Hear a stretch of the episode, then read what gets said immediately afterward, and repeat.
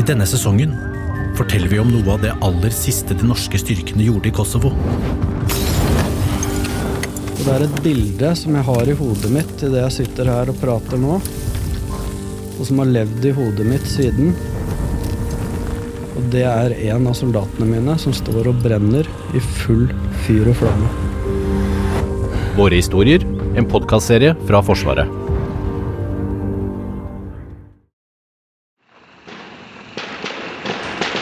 Som her.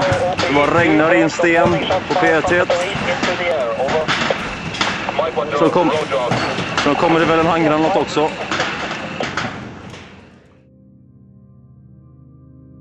Jon Reichelt er psykiater i Forsvaret. Det der er mer komplisert enn man skulle tro. På den ene siden så er det sånn at når du blir soldat, hvis du velger det som yrke eller profesjon, så forbereder, deg jo hele tiden på krig. Det er det du trener for. Du trener på å skyte, du trener på å gjøre de forskjellige tingene som hører med. Og det å da aldri få prøve dette på alvor blir jo litt underlig. Samtidig så er det vel noe som heter at man skal være forsiktig med hva man ønsker seg her i verden.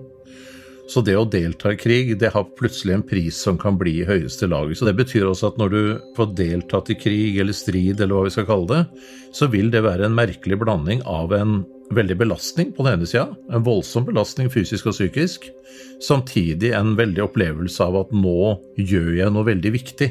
Livet som soldat i Afghanistan var fullt av kontraster. Fredrik Utnes følte innimellom at han var med et spennende eventyr. Vi hadde jo store, flotte biler, Landcruiser. Eh, og de var jo Arctic Trucks-rigga.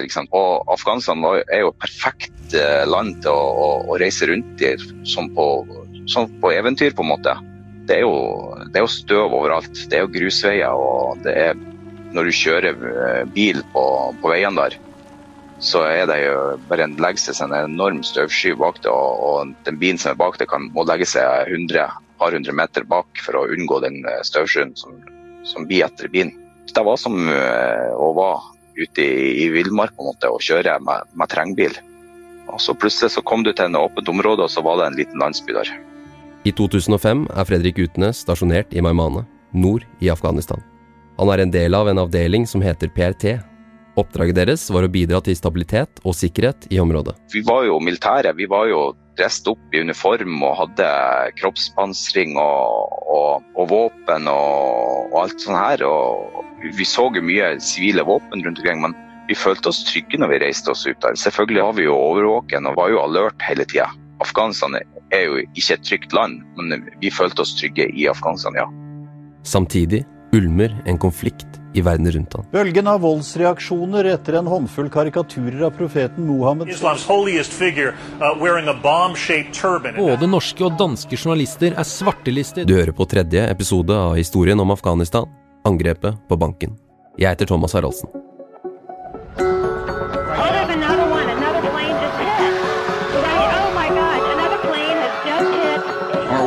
Terror begins with Al Qaeda. but it does not end there. Make no mistake. The United States will hunt down punish those responsible for these cowardly acts. Kampen mot terrorisme er et møte ved milepælen i våre internasjonale forpliktelser. I ettermiddag kom de to majorene som ble skutt og såret i Afghanistan tirsdag tilbake til Norge. The United States has conducted an operation that killed Osama bin Laden, the leader of Al Qaeda. I am President of the United States of America, and the buck stops with me. Høsten 2005. Den danske avisen Jyllandsposten publiserer karikaturtegninger av profeten Mohammed. Fiendebildet mellom muslimer på den ene siden og den vestlige verden hardner til. Altså, vi fikk jo med oss at det, at det skjedde noe, at noen har publisert de, de tegningene og sånne ting. Men jeg tenkte ikke så mye over det Jeg kanskje var litt uvitenhet om hvor mye det her betydde for muslimene. Men den danske avisen hadde provosert mange muslimer. Både i Danmark og andre steder i verden arresterte man grupper eller personer som planla og gjennomførte terror i kjølvannet av publiseringen. To menn fra USA er arresterte fordi de skal ha planlagt et terroråtak mot For det planlagde åtaket var meint som hevn for karikaturtegningene av profeten Mohammed Fredrik og avdelingen hans var en del av en PRT, et såkalt Provincial Reconstruction Team. De holder til i Maimane, nord i Afghanistan. Da Fredrik først kom til Maimane, var dette et relativt rolig område. Teamene i PRT-en reiser rundt i provinsen, henter inn informasjon og kartlegger hvordan lokalbefolkningen har det. 2005, det er lenge siden. Da var jeg ung, 25 år. Vi var første gjengen til Kisegomannen som reise ut. Oppdraget i Marmane var nytt og annerledes. Soldatene måtte forberede seg på nye oppgaver og tilpasse seg.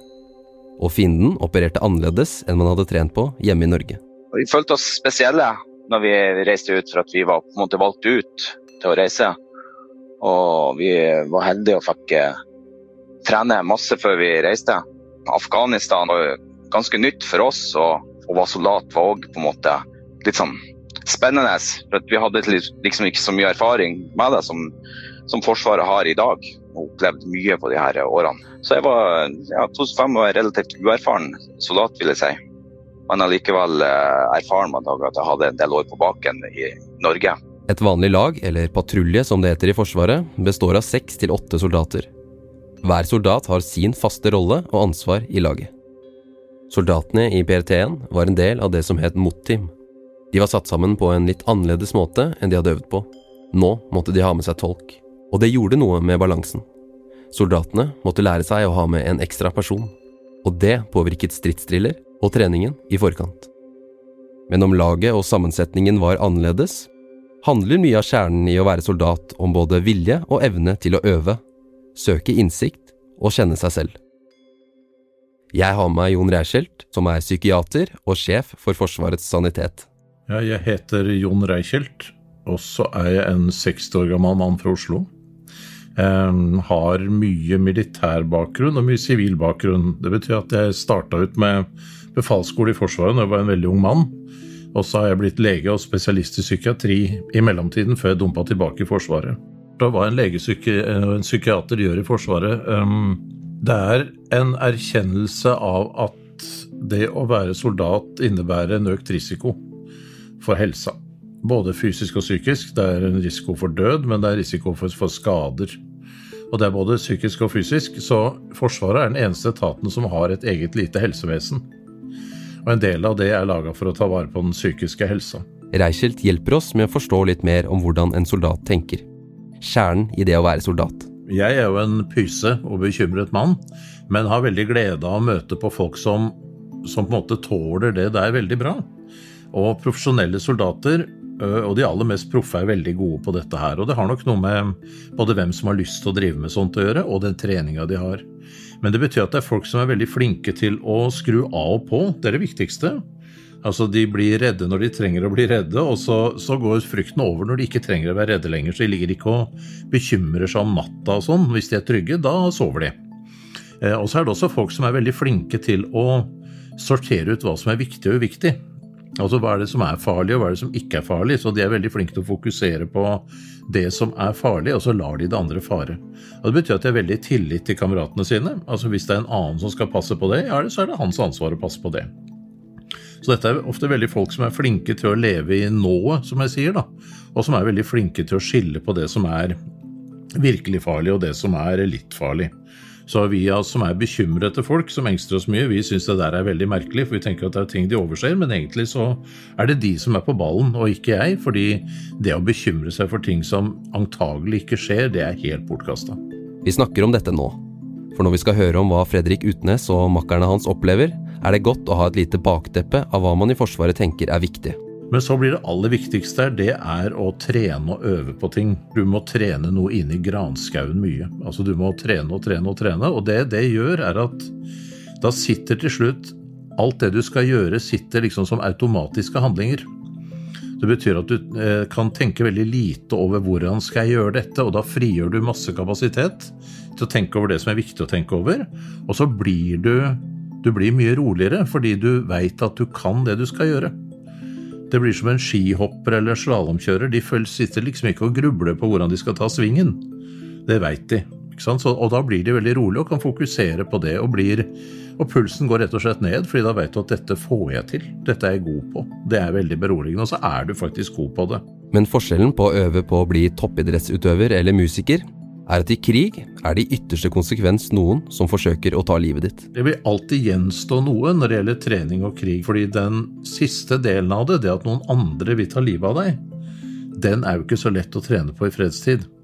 Men det har vist seg da at hvis du blir god nok på å gjøre det du har trent på, så vil det der også liksom slå inn når du står der. Men noen stusser også over at liksom jøss, dette, dette var et trinn videre. Her var det noen som hadde lyst til å ta livet av meg også, men dette er jo spillet. Og så er det sånn at selv om de trener hjemme på Rena, eller sammen med allierte i Nordsjøen, eller med Navy Seals under tropiske forhold, vil du aldri helt få vite hvor godt du faktisk fungerer før du har prøvd.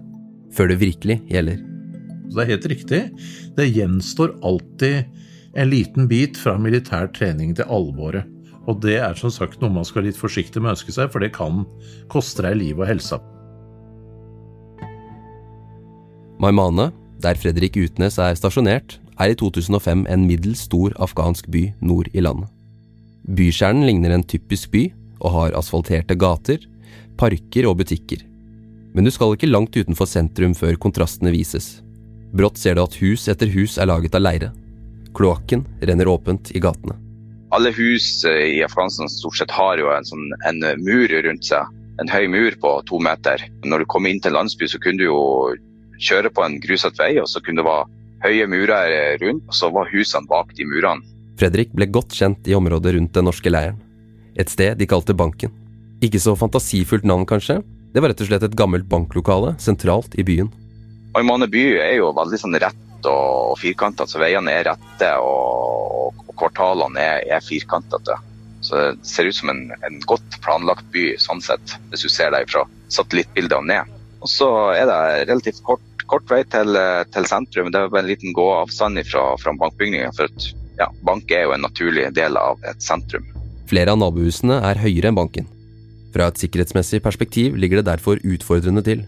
Banken er jo en, en bygning som er på en måte i et kvartal som eh, består av eh, ti andre bygårder. Og så ligger banken midt i det kvartalet. Og den er på en måte gjerda inn med en mur, og så har den på sida av seg så har den litt sånn uh, høye bygg. Uh, en etasje høyere enn banken, for banken var bare én etasje, og så en kjeller. Mens de andre byggene rundt hadde to etasjer. Uh, så vi var liksom klemt inn midt i, i det kvartalet.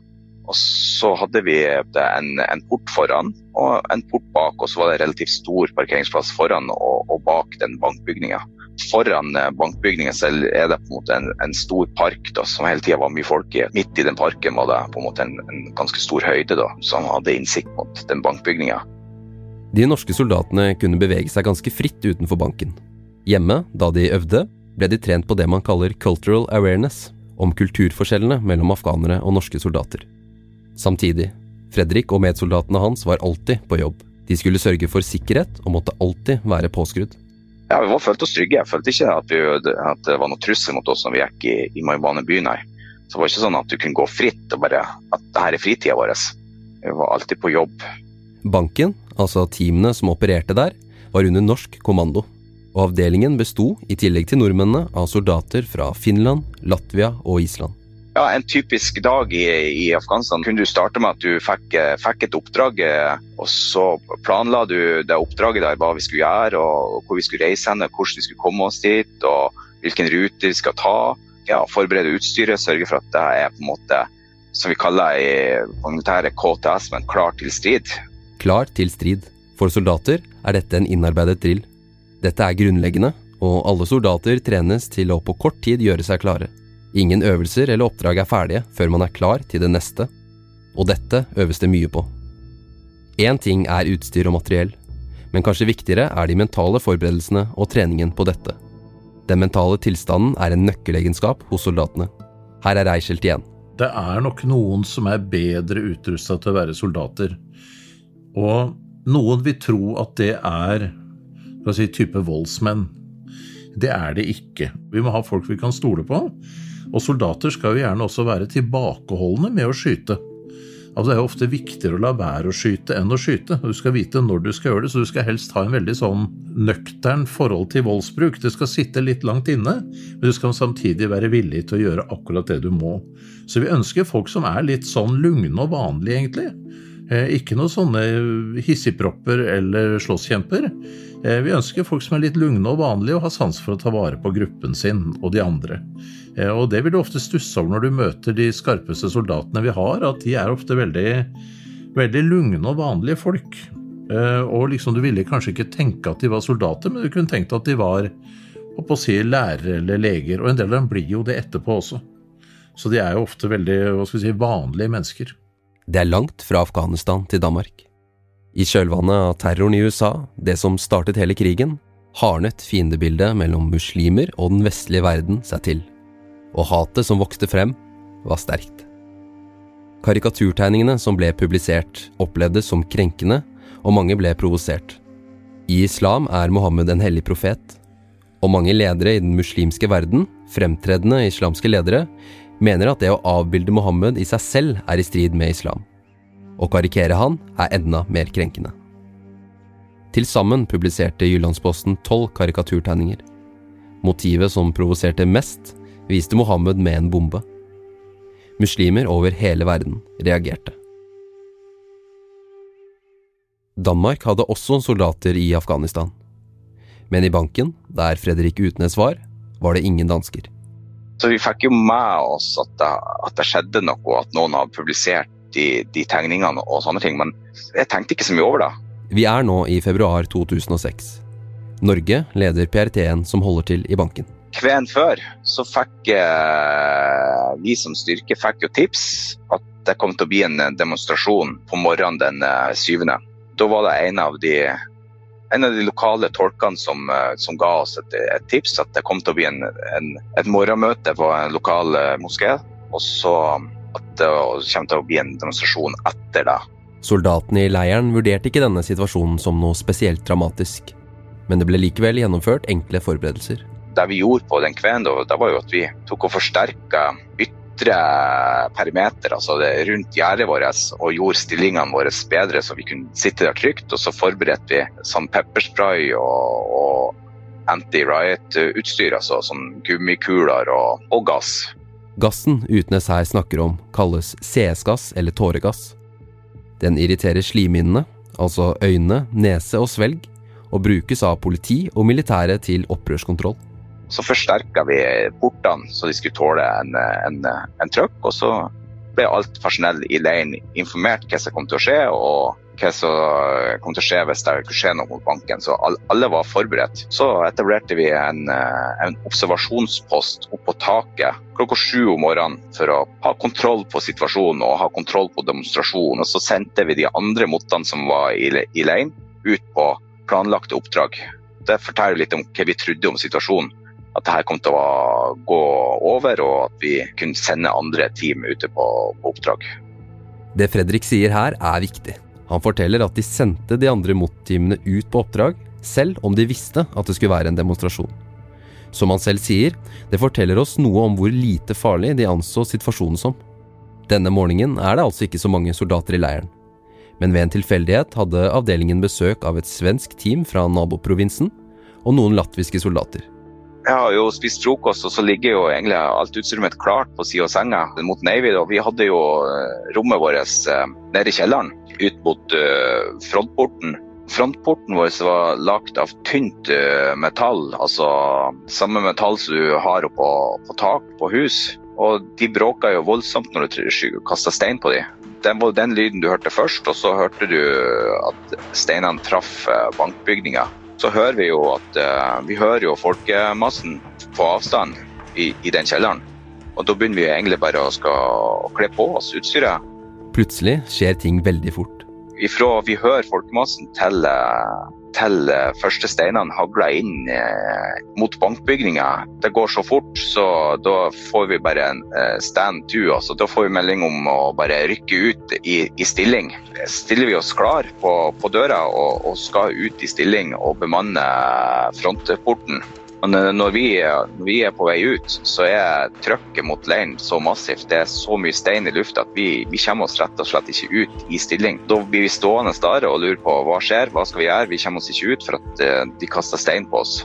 Det som skulle være en vanlig demonstrasjon, blir noe helt annet. Utenfor bankbygningen er det fullt av demonstranter. De er sinte, høylytte og aggressive. De står utenfor leiren og kaster steiner over muren. Fredrik og teamet hans kommer seg ikke i posisjon. Vi spør om tillatelse for å bruke gass, for liksom få kaste den gassen over gjerdet og så få spredd folket. Vi får tillatelse til å bruke gass, og vi tar på oss gassmasker. og det er vi jo heldige med at vi tar på oss gassmasker, for gassmasker blir jo, det er jo en, eh, selvfølgelig en beskyttelse mot gass, men det blir òg en, en, naturlig beskyttelse mot, uh, mot stein òg. Så den uh, sparer oss for masse, masse juling i ansiktet. Og så kaster vi gass, og um, de personene som gassen treffer, da, de kaster den gassboksen i retur. Så vi fyller jo egentlig hele bakgården vår med gass. Eh, og alle, alle, som er i bankbygninga må ta på seg gassmasker. Så det skaper jo litt sånn, det skaper litt sånn kaotisk stemning. Du er fokusert. Du har bestemt deg for at du skal i den stillinga. Og for å komme deg til den stillinga skal du krysse en gårdsplass på 10-15 meter, og så til tropper og opp to meter. Og når du har bestemt deg for at du skal dit, så, så sprenger du bare. Du merker ikke steinene uh, i så stor grad. Den typiske steinen som de, de kasta med oss, var jo eh, som en ja, som en uh, knyttneve size. De var lyse i fargen, så det var lett, liksom, lett å se de steinene i, i, i lufta da, når de, når de kasta. Eh, men det var jo massivt. Det var jo flere hundre stein i, i, lufta samtidig. Men du er så fokusert at du bare sprenger ut i stilling og gjør den jobben du skal gjøre.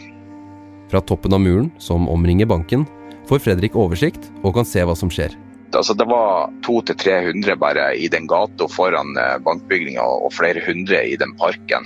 Og det så egentlig ut som, eh, hvis du har sett eh, sånn storming av fotballbaner, eh, der bare alle tilskuerne bare storma en fotballbane og bare spredde utover fotballbanen. Sånn så det ut. Det var, det var svart med folk. Det er jo massiv støy, og du føler deg ganske liten da du sitter i, i den stillinga di og, og, og, ser ned på de tusen menneskene og, og mange av de kaster stein på det. Her hører du lyd fra det som faktisk skjedde. Lyden er fra et filmopptak som ble gjort av soldatene under angrepet.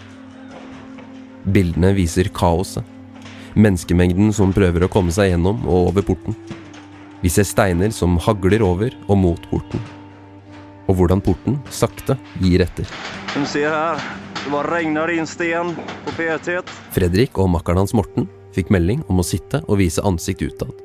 Fra posten sin ser de menneskemengden, og at denne demonstrasjonen ikke var så tilfeldig som de hadde fått inntrykk av kvelden før. Jeg la ikke merke til noe, noen tegn til at noe annet var i gjære. Jeg stolte helt og holdt på at uh, den informasjonen jeg fikk på, på møtet på kvelden, uh, var, var, riktig. og var egentlig bare fokusert på å gjøre det som vi har blitt enige om å gjøre. Det var tilfeldigvis plutselig eh, lastebil tilgjengelig der med, med stein i.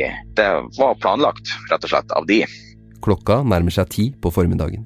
Altså, Da sitter vi jo der, eh, jeg og Morten, som eh, makkeren min heter. da. Vi satt i stilling der, og så mottok vi egentlig bare juling.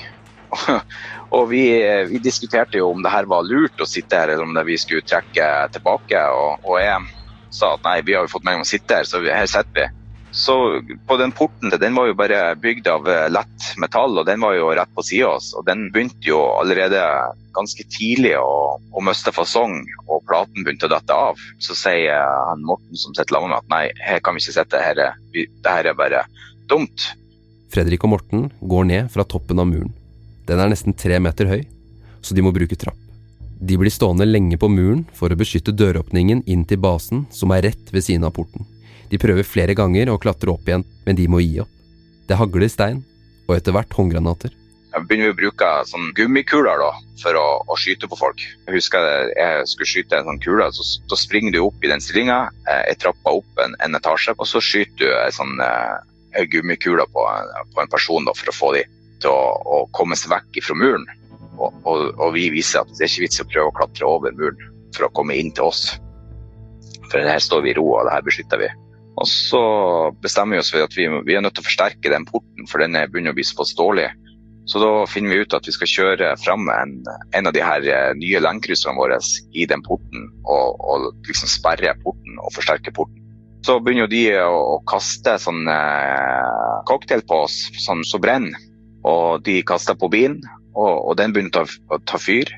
Egentlig er vi ganske heldige at den bilen tar, tar fyr, vil jeg si. For at den blir jo et ganske sånn naturlig hinder for at folk skal komme inn eh, i leiren. Så den bilen står jo og brenner. Se for deg det Fredrik akkurat har fortalt. Et førtitalls soldater innenfor murene som beskytter banken. Utenfor står hundrevis, kanskje tusen sinte demonstranter. Det hagler steiner fra alle kanter. Porten, som er hovedinngangen til basen, holder på å falle fra hverandre. Og Fredrik og Morten bestemmer seg for å bruke en, som han sier, ganske ny Toyota Landcruiser til å beskytte porten og sperre slik at folkemengden ikke skal komme seg inn. Igjen hører vi lyd fra angrep. Nå brenner bilen i porten.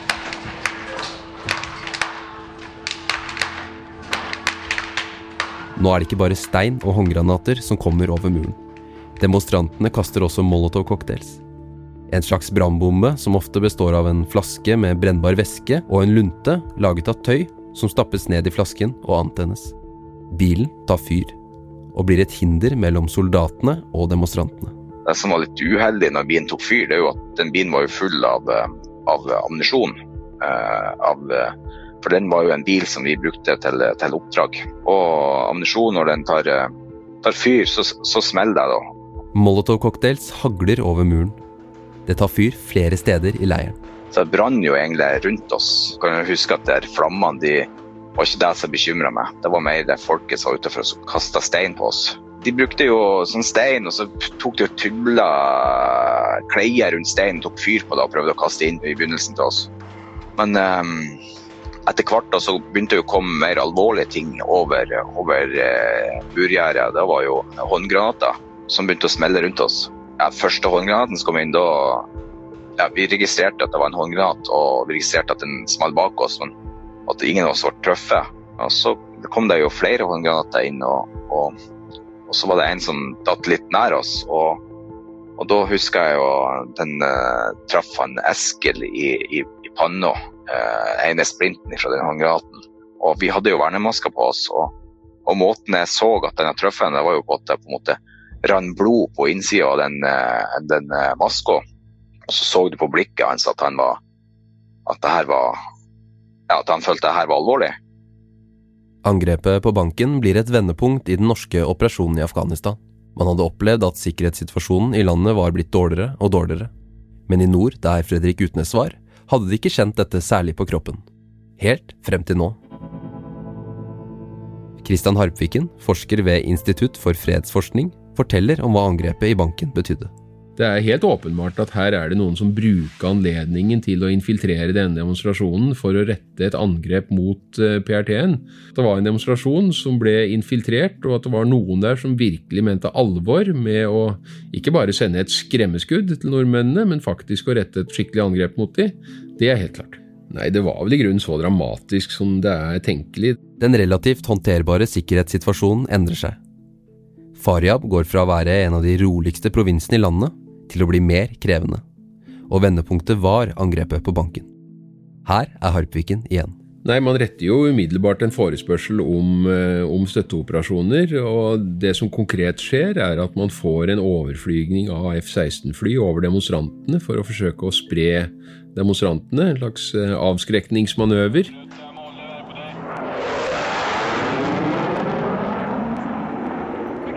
Det har veldig liten effekt. Eh, det funker rett og slett ikke. Eh, man ber jo også om forsterkning fra hurtigreaksjonsstyrkene i Mazar Sharif. Eh, men i mangel på transportkapasitet og alt mulig annet, så, så kommer rett og slett ikke de forsterkningene i løpet av dagen. Så man er jo overlatt til å håndtere dette på egen hånd. Fredrik og de andre soldatene befinner seg i den lille gårdsplassen mellom bankbygningen og muren. Denne plassen er ikke stor. Det er trangt, og en av soldatene er akkurat truffet av en håndgranat. Og heldigvis, vi hadde jo lege i leir, så da for han inn og, og, og fikk sjekka den skaden som han har fått i, i panna si. da. Eh, og så husker jeg bare han kom ut igjen og kjempefornøyd og glad, og, og, og liksom skulle fortsette å være lag med oss der ute. Og hadde med seg masse vann ut, og han sa 'husk å drikke vann, gutta'. Husk å drikke vann. Ja, han er en glad, glad type, så. Så det er jo bare der var vi med på å bidra til den, den gode moralen som vi hadde da.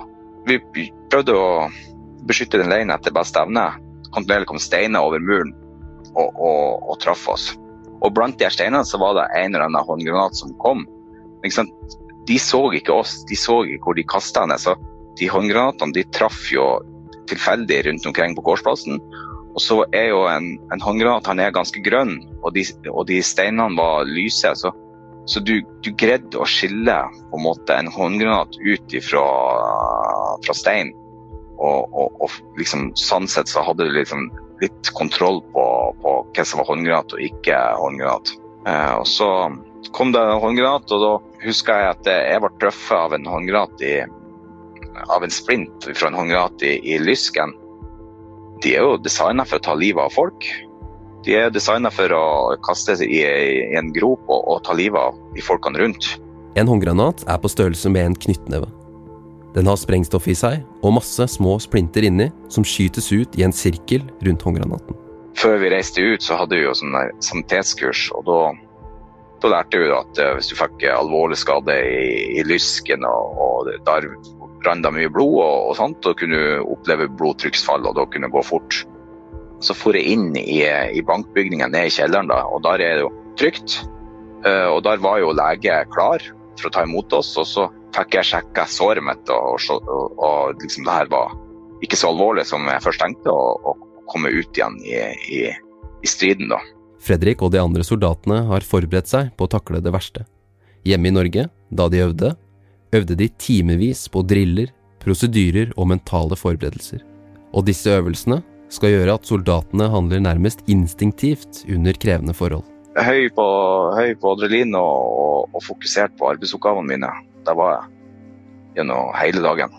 Jeg tror når, når det skjer, så For det første så skjer det så fort.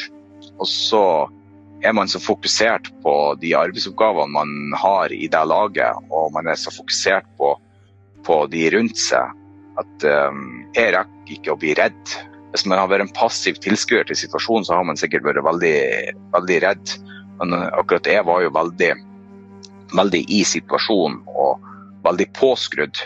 Man eh, aksepterer bare at eh, situasjonen er sånn, og at man, det, er bare, det én som kommer ut av det her i livet. Og, og man er så fokusert at det, den personen skal være det sjøl. Så du gir på en måte alt i situasjonen. Her er Reichelt igjen. Det å bli skutt på er jo sånn at jeg blir jo skrekkslagen bare å høre om det. Men hvis du har et profesjonelt forhold til dette, så selvfølgelig så blir du redd. Men en profesjonell soldat vet også veldig godt hvordan de kan bedømme hvor farlig det er å bli skutt på. Er det på veldig langt hold, så vet du at det er ganske upresist. Skal mye til å treffe. Og du vet også at veldig ofte så skyter folk for høyt og feil sted og alt det der. Så profesjonelle soldater sier at du skal ta det litt med ro, det der å bli skutt på. Men samtidig blir du selvfølgelig litt, litt redd hver gang. Fredrik forter seg tilbake til teamet sitt og fortsetter. Det som var så bra med på en måte, det teamet som jeg tilhørte, at vi før vi reiste ut til Afghanistan, så fikk vi 100% backing fra, fra avdelinga vår. Og vi fikk nesten på en måte ubegrensa med ressurser til å drive opptrening og, og, og trening før vi, før vi, reiste, for at ting var så ukjent. Jeg følte at vi var, vi var godt forberedt eh, på, som ferdighetsmessig for å håndtere en sånn situasjon. Vi har jo ikke trent på massedemonstrasjon og sånt, men vi, var vi har jo trent for krig. Og vi har jo trent for det verste som kan skje oss. For at vi har trent som vi har trent, så var vi i stand til å håndtere den situasjonen så bra som vi gjorde. Selv om de norske og allierte soldatene var i mindretall, jobbet de systematisk. Du tenker hele tida å bruke minst mulig eh, makt og, og, holde igjen mest mulig for å unngå å eskalere situasjonen mer enn nødvendig. Og vi eh, fikk ganske sånn tidlig eh, føringer på at hvis det var personer som klatra over og kom inn i, i, i frontkåren vår, så kunne vi, kunne vi skyte dem. Og, og, det var egentlig det vi forholdt oss til. Situasjonen i banken tilspisser seg. Tror det de ønska å jage oss ut av leiren og vise styrke på at de greide å drive oss på flukt. Maktbruken fra begge sider begynte å bli, bli hardere. De begynte å skyte direkte på oss, og, og vi begynte å skyte på de for å, å, ta liv, rett og slett. Så jeg tror det er en, kombinasjon på at det har pågått over uh, lang tid, og de ikke nådde opp med det de ønska, og så at vi begynte å bli ganske sånn uh, ja, begynte å, å, å, skyte direkte på folk. Det tror jeg var en effektiv stopper for, for de fleste. Etter hendelsen rapporteres det om at det ble avfyrt ca. 340-350 skudd. Flere av disse var rettede skudd. Det vil si skudd rettet mot personer. Angrepet starta jo klokka ti, og så varte det jo ganske intensivt fram til, eh, til fem.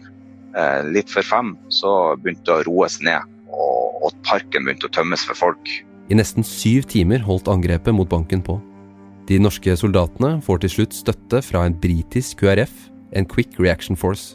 Og så tok de over posisjonene våre. Da tok på en måte vår jobb litt sånn slutt, og vi, vi kom ned i banken. Og situasjonen hadde begynt å roe seg kraftig på utsida da. Men vi var jo fortsatt på, så vi, det første vi gjorde etter vi kom ned, det var jo å fylle opp utstyret vårt med ammunisjon og, og håndgranater og, og sånn, så vi på en måte var klar. Uh, tok en ny KTS, på en måte. Så fikk vi melding om at det, det var en Hercules, et fly, på vei inn og, og, skulle hente meg og Morten for at vi skulle opereres på den kvelden. da. Morten var makkeren til Fredrik. Han var også truffet av granatsplinter. Så ble vi ivaretatt der da, og, og lagt ned og, mens masse soldater beskytta oss. Så kom den, den Hercules og henta oss og, så, og fløy oss til eh, Mazar el Sharif. Og da var vi på en måte, på en måte i sikkerhet og, og, på vei til, eh, til sykehus. Jeg var jo ikke ferdig med angrepet før jeg på en måte lå på operasjonsbordet og, ble operert på, på Kven. Kort tid etter operasjonen er Fredrik tilbake i felt og på oppdrag. Men han merker at situasjonen rundt han er annerledes. Første oppdraget etter eh, angrepet så tenkte jeg at det her kom til å endre seg. Og så visste jeg at det, det her er egentlig slutt på, på, banken, sånn så at vi kunne bo midt i byen med så lite sikkerhet. For at vi så at det kanskje var, ikke var, at sikkerheten ikke var god nok for oss.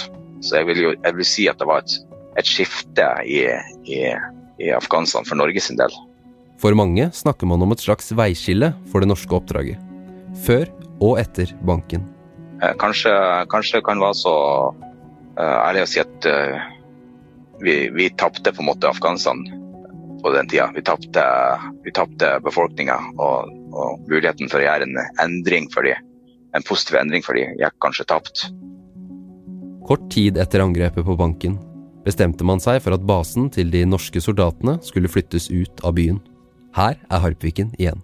Man forlot banken. Man gjorde en beslutning om å bygge en ny leir utafor byen, og det tok vel et drøyt år før den var klar og man flytta inn. Men etter angrepet på banken i februar 2006, så var det ikke lenger noe vei tilbake. Da måtte noe gjøres. Den nye basen lå rett utenfor Meimane. Den lå bak høye murer med vakttårn av betong og stein. Utenfor murene satte man opp piggtrådgjerder, slik at man fikk en buffersone mellom leiren og området på utsiden. Se for deg et slags amerikansk fengsel. Tilværelsen og operasjonen i Afghanistan ble stadig hardere.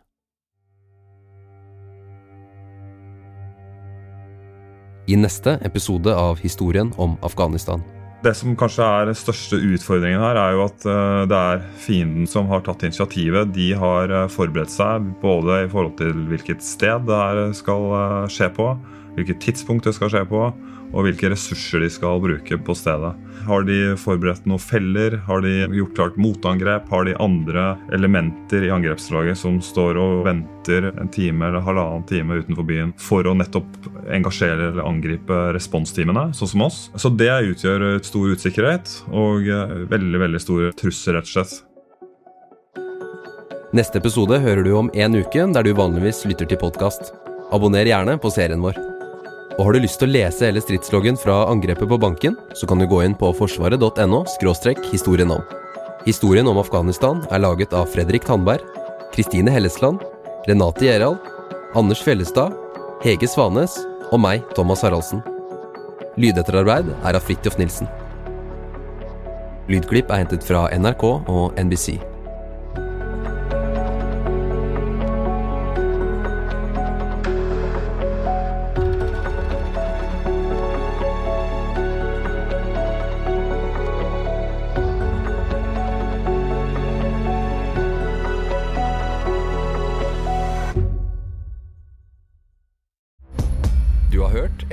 Podkast av Forsvaret.